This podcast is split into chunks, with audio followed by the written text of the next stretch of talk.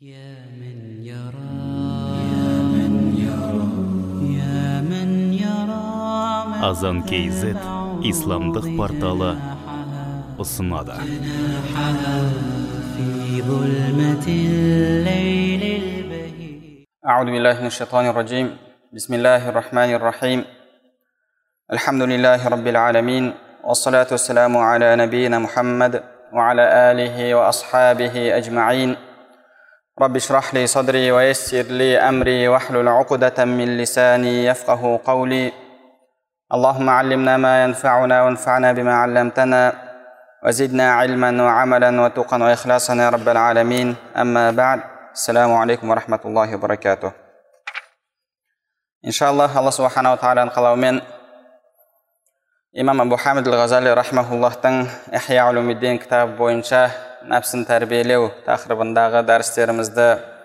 әрі қарай жалғастырамыз. Біз сіздермен адамның тілмен табатын күнәларын үйреніп жатырмыз. Және соңғы дәрісімізде тілмен табатын апаттардың бірі әл кәзибу фил қаули уәл ямин жалған сөйлеу жалған ант ішу мәселесіне келіп тоқтаған болатынбыз және соған қатысты бірнеше пайғамбарымыз саллаллаху алейхи уассаламнан келген жалған сөйлеудің жамандығын баяндаған хадистерді оқыдық пайғамбарымыз саллаллаху алейхи уассалам тағы да сол жалғанға қатысты былай дейді ثلاثة لا يكلمهم الله ولا ينظر إليهم ولا يزكيهم ولهم عذاب أليم үш түрлі адам бар алла субханала тағала ертең олармен сөйлеспейді оларға назар салмайды және оларды тазартпайды және оларға оларға ауыр азап бар дейді. Шайхун зән біріншісі жасы ұлғайған кезде сақал шашы ағарған кезде қыздардың артынан жүріп өкінішке орай қазіргі кездегі көптеген діннен ұзақ болған аталарымыз ағаларымыз секілді жасы келсе де саунадан шықпастан бір қызметте бір нәрседе болатын болса тәубе ететін уақытында ол сол бағанағы қыздардың артынан жүріп зинасын жасап жүретін осындай шайхун зәнин жасы ұлғайса да зина жасап жүрген адам. Уамаликун кәззаб және екіншісі жалған жалғаншы патша басшы уаилун мустакбир және үшіншісі кедей тәкаппар дейді ол кедей бірақ кедейлігіне кедей болса да тәкаппар хадисті имам муслим рахмаулла келтіреді пайғамбарымыз саллаллаху алейхи уассалам бірде сахабаларға әла унаббиукум кабаир сендерге ең үлкен күнәлар жайында хабар берейін бе деді сонда сахабалар бәлә я расулаллах я я расулаллах бізге хабар бер деді. Сонда пайғамбарымыз саллаллаху алейхи уассалам әл ишраку уалидейн аллаға серік қосу ата анаға қарсы келу ата ананың шариғат рұқсат еткен нәрселерде айтқанын істемеу. Пайғамбарымыз саллаллаху алейхи бұны отырып немесе сәл жамбастап айтып жатқан еді. Орнынан тұрды да отырып әла уа қаулу зур әла уа қаулу зур және жалған жалған сөйлеу жалған сөйлеу деп пайғамбарымыз саллаллаху алейхи вассалам қайта қайта айтты. Сонда сахабалар хатта сәкат енді тоқтаса болар еді деген ойға келдік дейді. Яғни пайғамбарымыз саллаллаху алейхи вассалам қайта қайта қайталау арқылы жалған сөйлеудің алланың алдында үлкен күнә екенін білдірді. Бірде омар радиаллаху анху минберде жұма күні құтпа жасап тұрып қама фина расулуллахи саллаллаху алейхи уассалам қиями хаза фикум пайғамбарымыз саллаллаху алейхи уассалам арамызда осы мен қазір сендердің араларыңда тұрғандай тұрды фақала және былай деген еді әхсену иля асхаби менің сахабаларыма жақсы мәміле жасаңдар кейін олардан кейін келетіндерге. Кейін жалған тарайды адамдардың арасында. Адам сондай уақыт келеді ант ішу талап етілмесе де ант іше береді. Яғни ол жалған ант, ішеді және одан куәлік беру талап етілмесе де куәлік бере береді деді. Куәлік бергенде де бұл жерде яғни жалған куәлік беру. Ал енді бір адамның ақысы желінейін деп жатса бір адамның мысалы зұлымдыққа ұшырап жатқанын көретін болсаңыз онда сіз сол жерде болған болсаңыз куәгер болған болсаңыз онда алла субханала тағала куәлікті жасырмаңдар деді. Куәлікті жасырмаңдар. Яғни сіздің куә болуыңызға бір адамның ақталуына бір адамның ақысы желінбеуіне алып келетін болса сіздің куәңіз соған себеп болатын болса онда куәлік беру міндетті болады хадисті имам термизи имам насаилер келтірген пайғамбарымыз саллаллаху алейхи уассалам тағы да айтады من حلف على يمين بإثم ليقتطع بها مال امرئ مسلم بغير حق кімде кім жалған ант ішсе мұсылман адамның ақысын нақақтан жеу үшін ертең алла субханала тағаланың алдына барған кезде алла тағала оған ашулы болады дейді хадисті имам, имам муслим имам бұхарилер келтіреді айша анамыз пайғамбарымыз саллаллаху алейхи уассалам жайында айтады және пайғамбарымыз саллаллаху алейхи вассалам сахабалар жайында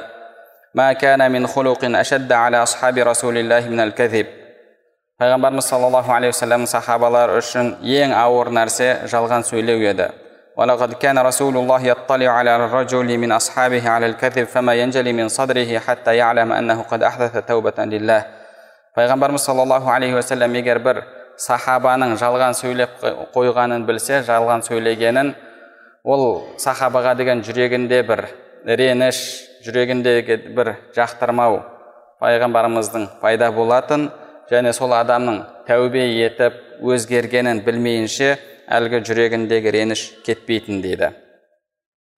Бұны имам ахмад рахмаулла жеткізген. Және алдыңғы кітаптарда келетін сөздерден муса алейхисалам алла субханала тағаладан сұрады дейді. Ей раббым сенің қай пендең сен үшін ең жағымды ең сен жақсы көретін құлың қандай деген кезде алла субханала тағала тілі жалған сөйлемеген жүрегі күнә істемеген және әуреті зина жасамаған деді әбу бәкір радиаллаху анху бірде минбарда тұрып пайғамбарымыз саллаллаху алейхи уассалам дүниеден өткеннен кейін былай деді пайғамбарымыз саллаллаху алейхи уассалам тура мен сендердің араларыңда тұрғандай тұрып бізге былай деген алейкум шыншыл болыңдар шыншылдық жақсылықпен бірге және ол екеуі жәннатта деген еді бұны имам ибн мәжә имам насаилер келтіреді муаз радиаллаху анху айтады пайғамбарымыз саллаллаху алейхи вассалам маған өсиет етіп хадис ва адаил амана вал вафа бил ахд ва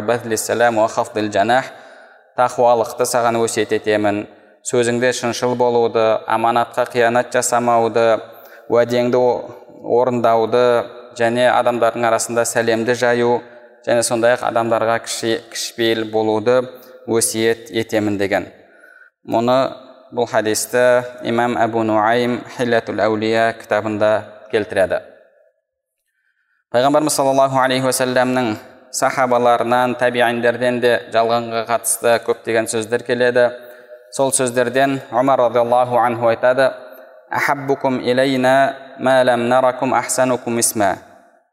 егер сендерді көрмей тұрсақ сендердің ішін, іштеріңдегі ең жақсыларың біз үшін ол есімі көркем есімі жақсы болған дейді яғни пәленшенің есімі мынандай деп. Соны шариғатта жақсы көрілген шариғатқа сай келген атты еститін болса сол жүрекке жағымды. Егер сендерді көрсек онда араларыңдағы ең жақсыларың біз үшін мінез құлқы жақсы болғандар. Мінез құлықтарың жақсы болғандарың. Егер сендерді сынап көретін болсақ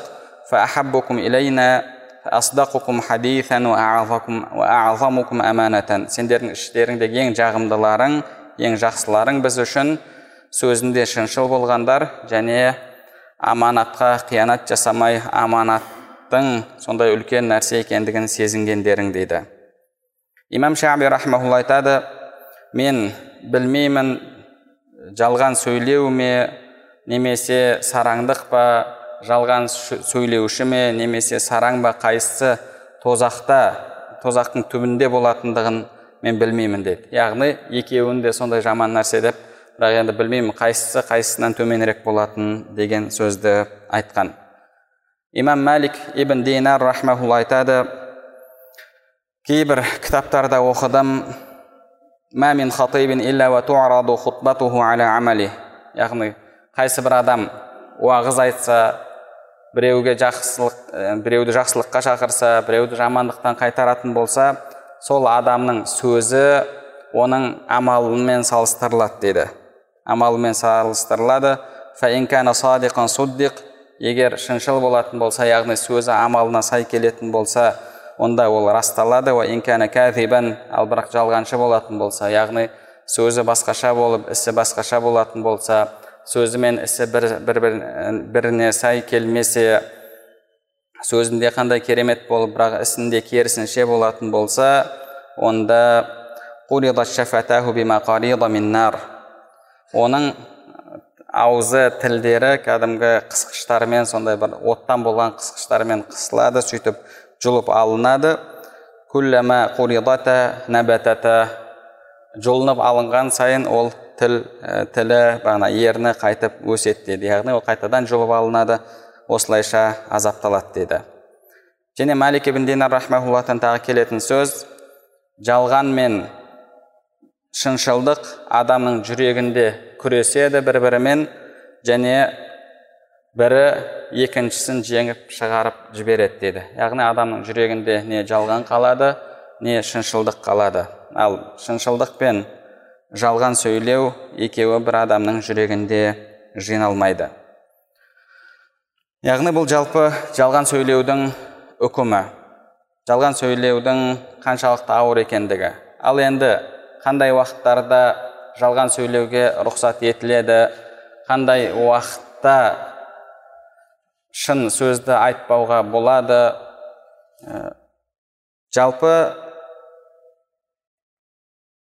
жалған сөйлеудің харам етілуінің себептерінен жалған сөйлеу арқылы сіз яғни біреуге дұрыс емес мәлімет бересіз дұрыс емес ақпарат бересіз.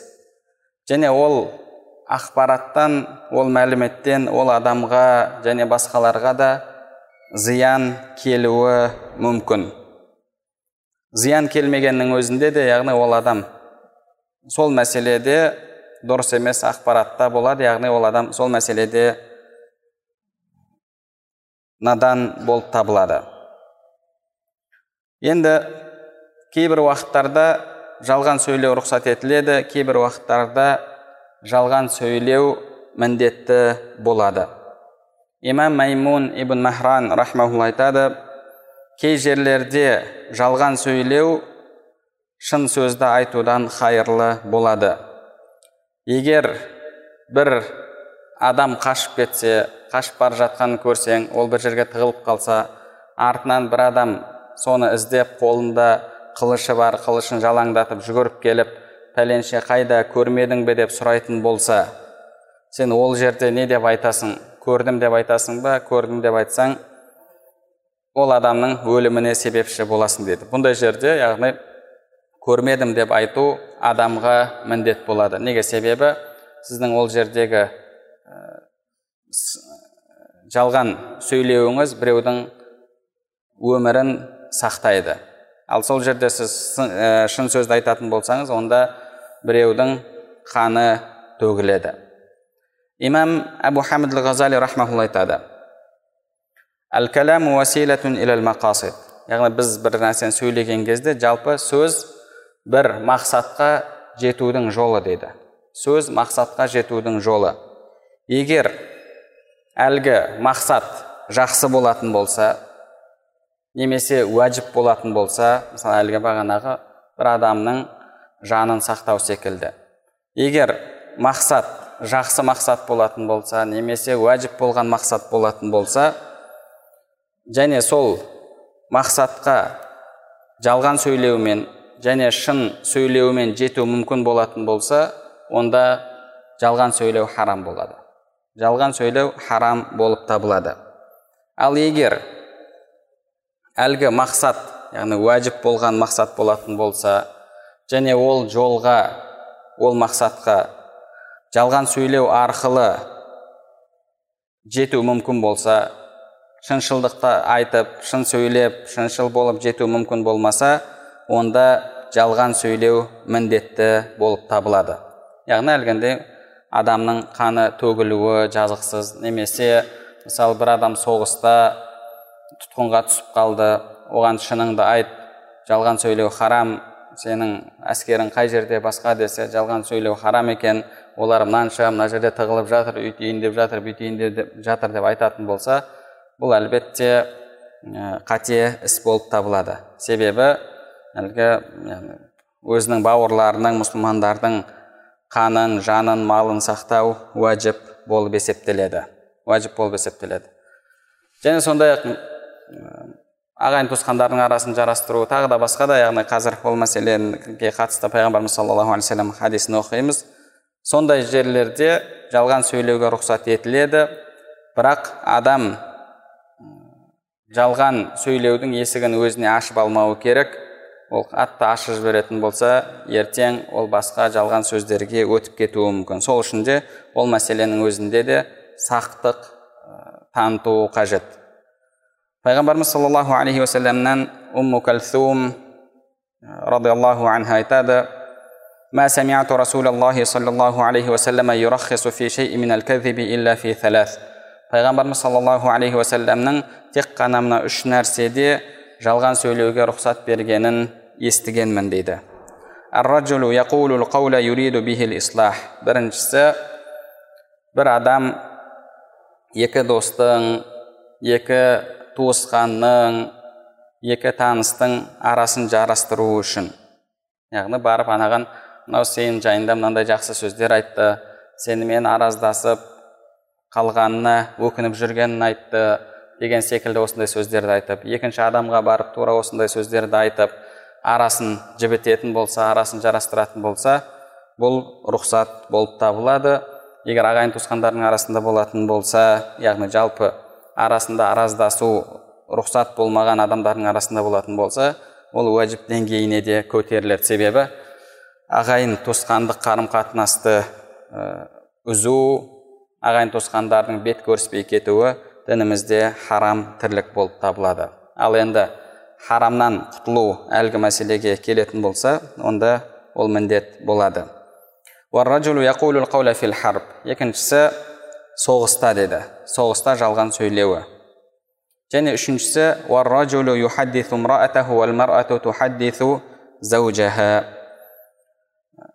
күйеуінің әйеліне әйелінің күйеуіне жалған сөйлеуі хадисті имам муслим рахмауллах келтіреді әлбетте бұл жерде әйелдің күйеуіне күйеуінің әйеліне жалған сөйлеу деген кезде яғни өмірін бәрін жалғанға айналдырып басқа жақта болып келеді. Қайда болдым десе ана жерде болдым. Басқа күн басқа жерде болады. Қай жерде болдым десе мына жерде болдым деп яғни өтірік сөйлеуі осылайша өмірлерін жалғанға айналдырып жіберуі бұл әлбетте рұқсат емес. Бірақ рұқсат болатын жағдайлар ол яғни арасындағы қарым қатынасты ұстап тұру үшін әлгі әйелдің көңілін түсірмеу үшін мысалы тамағы дәмді болмаса да тамағың дәмді екен тамақты қандай жақсы істейсің деп яғни ішінде мына тамақты сиырға берсең сиыр жемейді деген ойда отырсаң да сыртынан ой қандай керемет тамақ екен бұны үлкен ресторандардың поварлары да істей алмайды деген секілді әңгімелерді айтатын болсаңыз яғни бұл араңыздағы бағанағы махаббатты күшейту үшін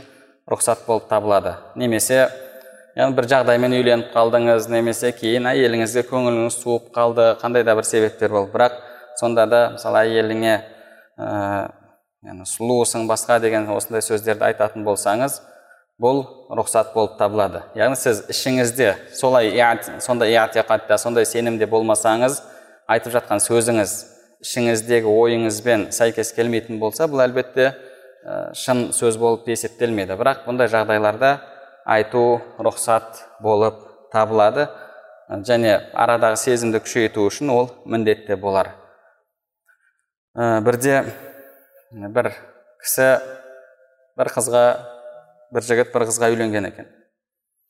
Үйленген қыздың ата анасы әйтеуір қызды көндіріп қыз ұнатпаса да үйлендіріп жіберген бе сөйтіп үйленгеннен кейін әлгі жігіт ері әйеліне сен қандай кереметсің сен қандай сұлусың деп бетіне яғни мақтап сөйтіп арадағы бағана сезімді күшейтуге осындай әңгімелер айтып жатыр екен. Сөйтсе әйелі көңіл жоқ қарап тұрып өкінішті егер сен де сұлу болғаныңда саған да осындай сөздерді айтып осындай бір керемет сөздерді айтар едім саған деген сөзді айтады.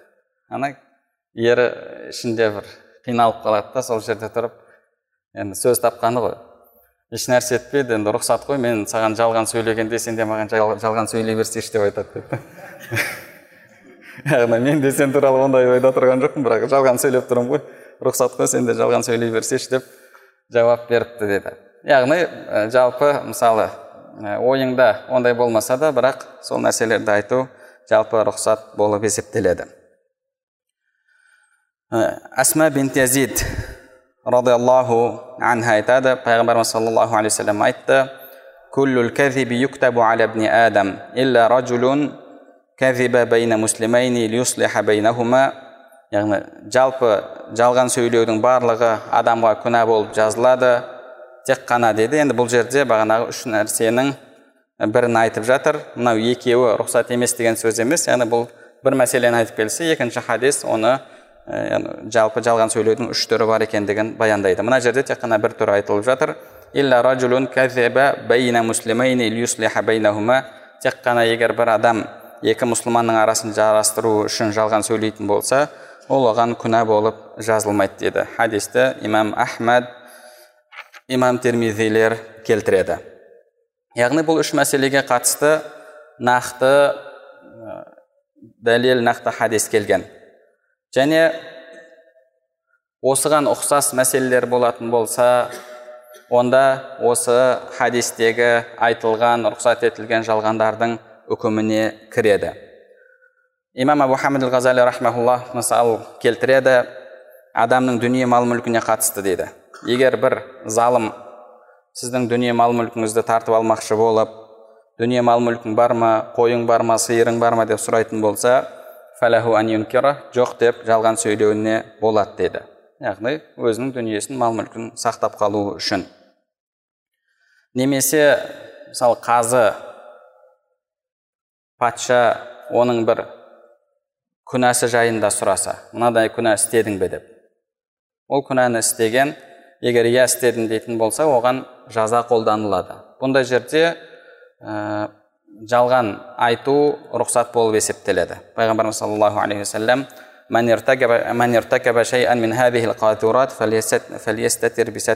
кімде кім әлгіндей жаман күнәларды істеп қоятын болса онда алланың жасыруымен жасырынсын дейді. Яғни өз алдына тәубе етіп тәубе етіп алла субханала тағаладан кешірім сұраймын десе ол өзінің ақысы. Ол өзінің ақысы. Яғни барып ә, мен мынаны істедім деп немесе сұрақ алған кезде жоқ иә істедім деп мойындауы міндетті болып табылмайды. Егер ол күнә алла мен оның арасындағы яғни жеке мәселе болатын болса егер адамдардың ақысына байланысты болатын болса онда әлбетте оны қайтаруы міндетті болады. Және одан кейін мысалы адам басқа адамға байланысты дейді. Бір адамның сыры жайында. Сізге сыр етіп бір нәрсені айтты.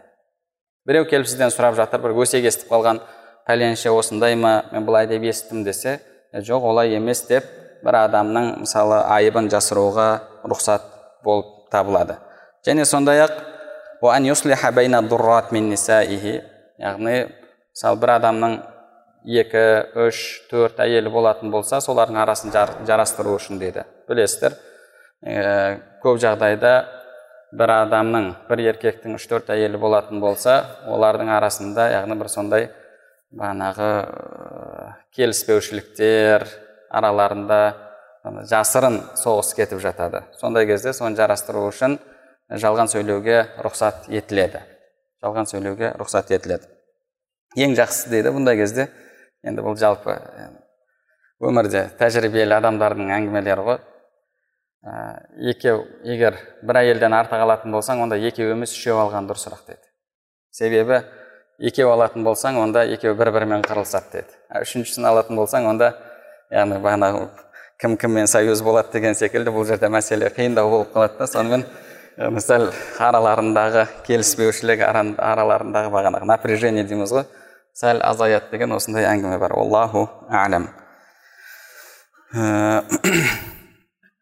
Э, имам абу хамид ғазали рахмаулла айтады. Яғни сіздің жалған сөйлеуіңіз өзіңіздің ақыңыздың желінуіне немесе біреудің ар намысына нұқсан келтіретін болса біреудің ә, ақысының жазықсыз желуін, желінуіне немесе қанының төгілуіне өміріне бір зақым зиян келетін болса онда ол жерде жалған сөйлеу Ә, міндетті болып табылады. Жалған сөйлеу міндетті болып табылады. Әсіресе бұл басқа адамға қатысты болатын болса енді өзіңізге байланысты болатын болса міндет емес. Яғни мысалы залым адам келіп дүние мал мүлкің бар ма? десе сіз иә бар деп дүние мал мүлкіңізді алдырып қоятын болсаңыз бұл өзіңіздің қалауыңыз ал бірақ басқа біреудің мынандай мал мүлкі бар мына жерде анау қырдың артында ә, бағанағы жасыруыл тұрған қойлары бар сиырлары бар деп әлгі коммунистерге келіп тартып алмақшы болып жатқан. Бәрін сіз жайып сызып беретін болсаңыз сіз бұл жерде күнәһар болып табыласыз. Яғни қашан шындықты айту сондай бір зиянға алып келетін болса онда жалған сөйлеу міндетті болып табылады. Міндетті болып табылады. Ал бұдан басқа жағдайларда жалпы адам жалған сөйлеуден сақ болуы қажет. Жалған сөйлеуден сақ болуы қажет. Имам абу хамид ғазали айтады көбінше жалған сөйлеуге рұқсат етілетін жағдайлар қарап отыратын болсақ бұл басқалардың ақысына байланысты деді. Қашан басқалардың ақысына мәселе келіп тұратын болса тіреліп тұратын болса сол кезде жалған сөйлеу рұқсат болып табылады деді. Бірақ өкінішке орай біздің заманымыздағы адамдар өзіне келген кезде жалған сөйлеуді әдет етіп алған өзін сақтау үшін өзінің ар үшін өзінің абыройы үшін ал басқалардың ар намысын төгуге басқалардың ақысын жеуге дайын тұрады дейді әсма бинт әби бәкір радиаллаху радиаллаху анха айтады. Пайғамбарымыз саллаллаху алейхи уассаламға бір әйел келіп мынандай сұрақ қойды дейді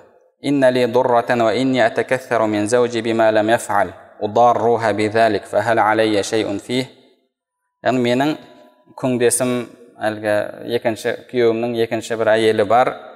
Мен анаған зиян келтіру үшін күйеуім айтпаған нәрсені айтты деймін бермеген нәрсені берді деп осылайша зиян келтірмекші боламын бұл маған күнә ма деген кезде пайғамбарымыз саллаллаху алейхи уассалам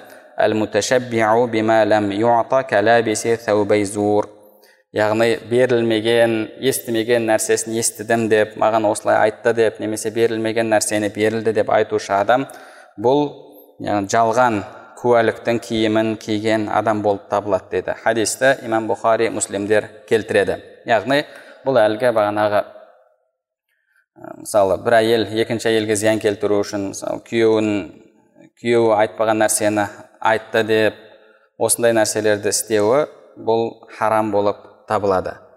Және сондай ақ жалған сөйлеуге кіретін мәселелерден бұл білмей фәтуа беру деді. Яғни білмей тұрсаң да мынандай шығар былай деп ойлаймын деген секілді осындай нақты мәселені білмей тұрып пәтуа беру бұл да жалған сөйлеудің үкіміне кіреді бұл да харам болып табылады. Енді жалған сөйлеуге ұқсайтын мәселе бар. Енді оны жалған деп айту қиын. Бұны әл дейді.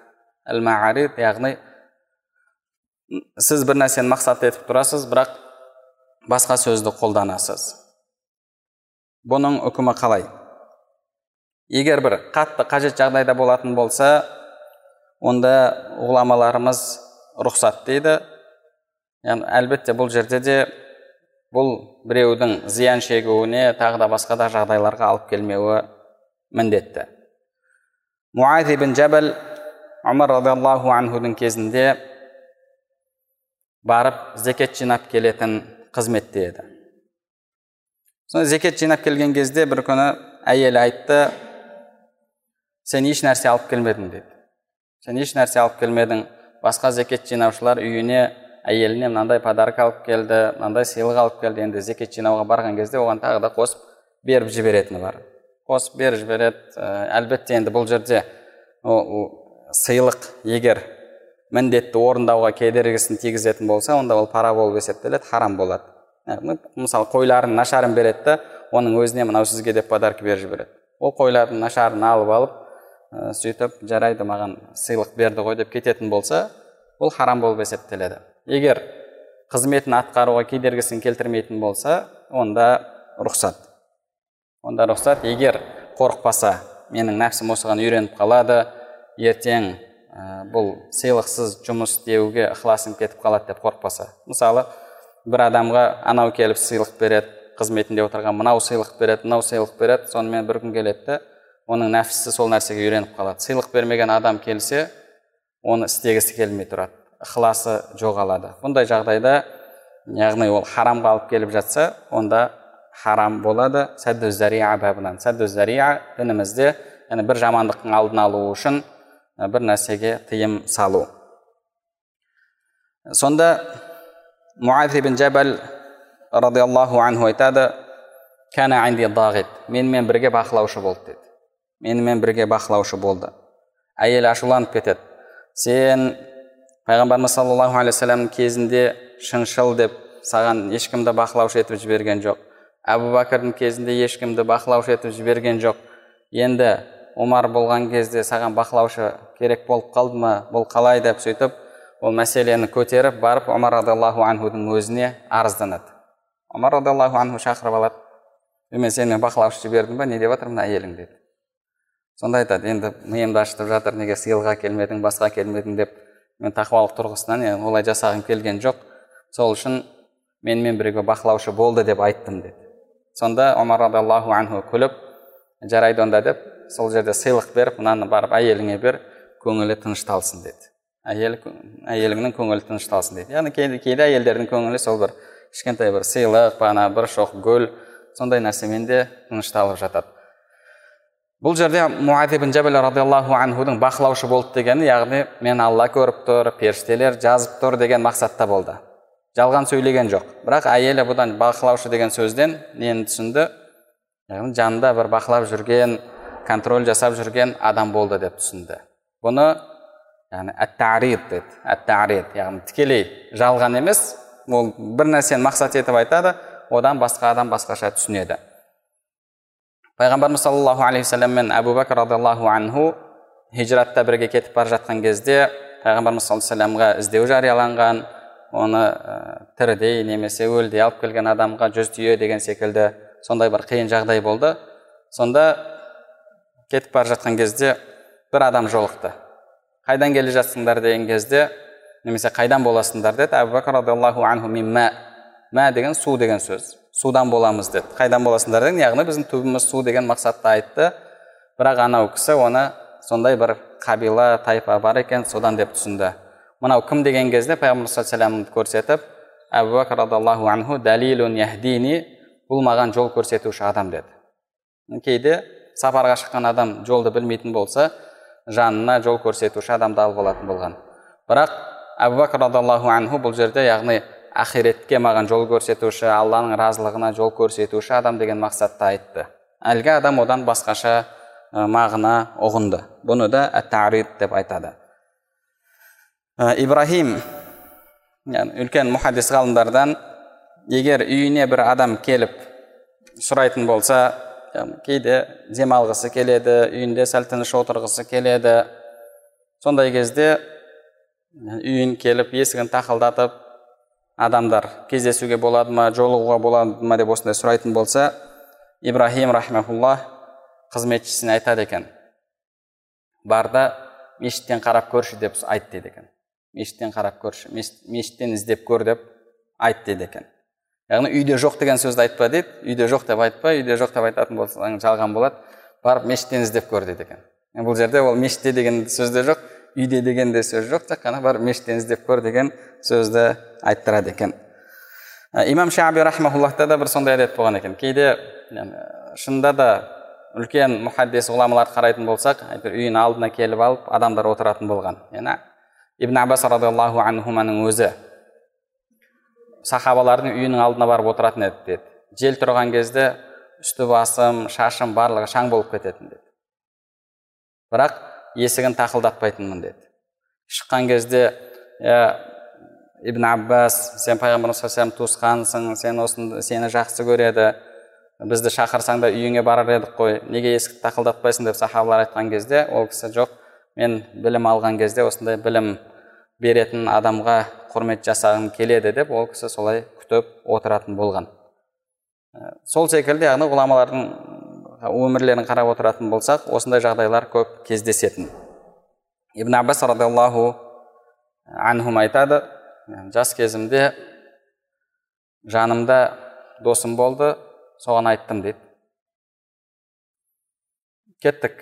Мынау пайғамбар саллаллаху сахабалары солардан білім алайық. Солардан сұрайық үйренейік деген кезде әлгі дос айтқан екен. Мынандай сахабалар тұр адамдар сені керек етеді дейсің бе? деп.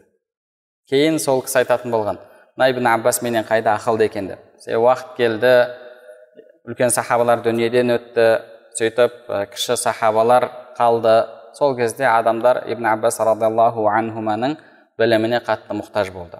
Әлгі жігіт сол кезде мен бірге білім алған кезде мен де осындай деңгейге жетер бірақ мынандай сахабалар тұрғанда бізге жол болсын адамдар бізді қажет етеді деп ойлайсың ба деп ол кісі білімге қызықпаған. Ибн аббас радиаллаху анхума қызығып барып әлгі ғалымдардың есігінің алдында ғалым сахабалардың есігінің алдында отыратын болған. Имам шаби рахимахуллахтың да үйінің алдына адамдар солай көп келеді. Сонда кейде шаршайды ма? Қызметшісіне айтады екен келіп сұраса үйден шығып кезде үйдің жанына мынандай бір домалақ сызық сызып қойған екен.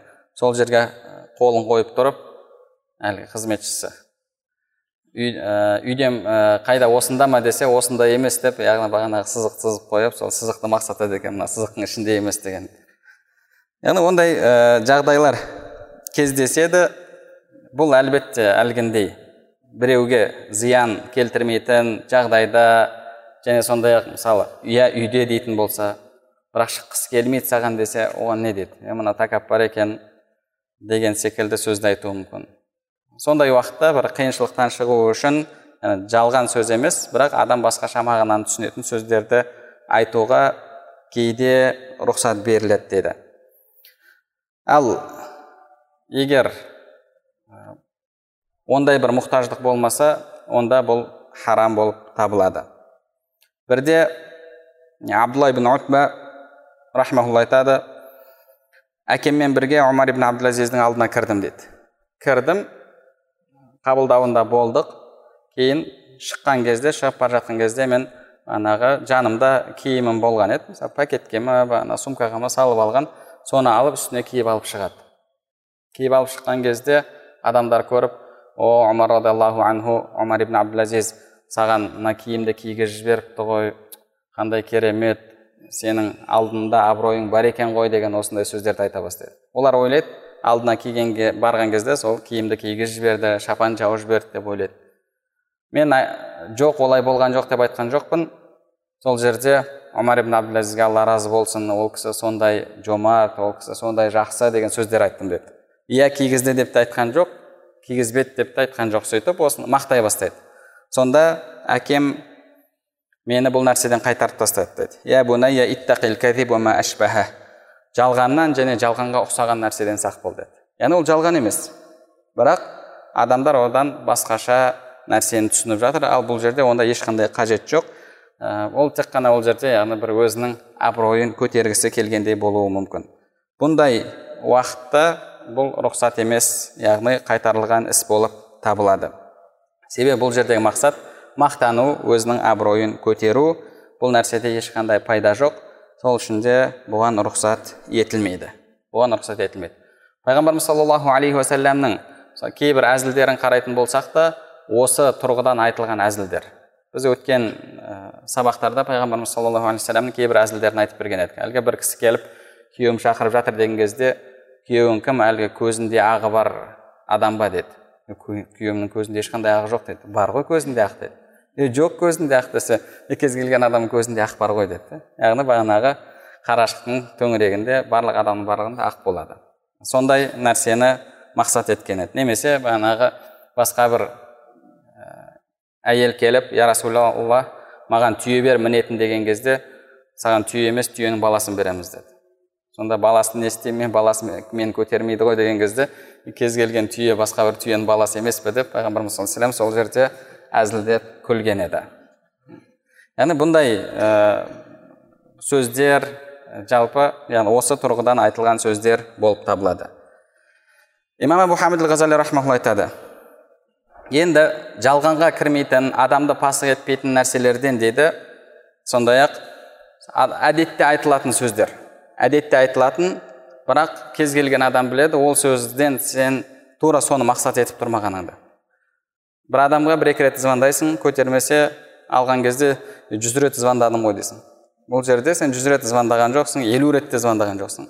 Бірақ ол жүз рет звондадым деген сөзден ол да түсініп тұр яғни бағанағы звондап шаршап кеттім деген тағы да сондай бір мақсатта. Ондай кезде бұндай бағанағы жүз рет көргем жүз рет жүз рет деп бізде көбінше болса жүзді қолданады немесе мың рет басқа деген осындай сөздер бұл жалпы жалған болып табылмайды және адамды пасық етпейді.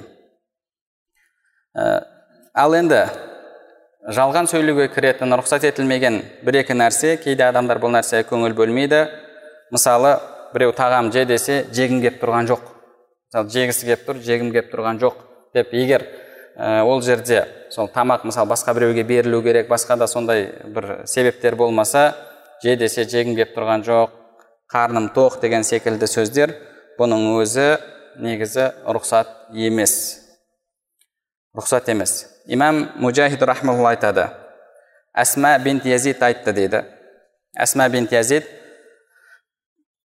айша анамызға пайғамбарымыз саллаллаху алейхи уассалам үйленген кезде сол үйленген кеште мен жанында бірге болдым деді. Пайғамбарымыз саллаллаху алейхи уассаламға айша анамызды алып бардық. Жанымда бірнеше әйелдер бар еді. Сонда пайғамбарымыз саллаллаху алейхи жанында бір ыдыста айран сүт қана болды деді. Пайғамбарымыз саллаллаху алейхи уассалам сол сүттен ішті кейін айша анамызға берді. Айша анамыз ішіп болғаннан кейін әлгі жанындағы әйелге берді. Пайғамбар саллаллаху алып берді. Әлгі әйел ұялды айша анамыз айтады мен айттым деді. Мен пайғамбардың қолын қайтарма ал дедім деді. Сөйтіп ол алып ұялып ішті де кейін пайғамбар саллаллаху айтты жаныңдағы әйелдерге де бер деген кезде олар лә наштахи ішуді жеуді қаламаймыз деді. Сонда пайғамбарымыз саллаллаху алейхи вассалам аштыққа тағы да жалғанды қоспаңдар деді. Аштықпен тағы да жалғанды жинамаңдар деді. Яғни ішінен қалап тұр қарны ашып тұр оны пайғамбар саллаллаху біліп тұр. Бірақ ә, тағы да жоқ қалап тұрған жоқпыз деп өйтіп ә, жалғанға тағы да аштыққа тағы жалғанды қоспаңдар деді. Сонда айттым дейді. Я расулаллах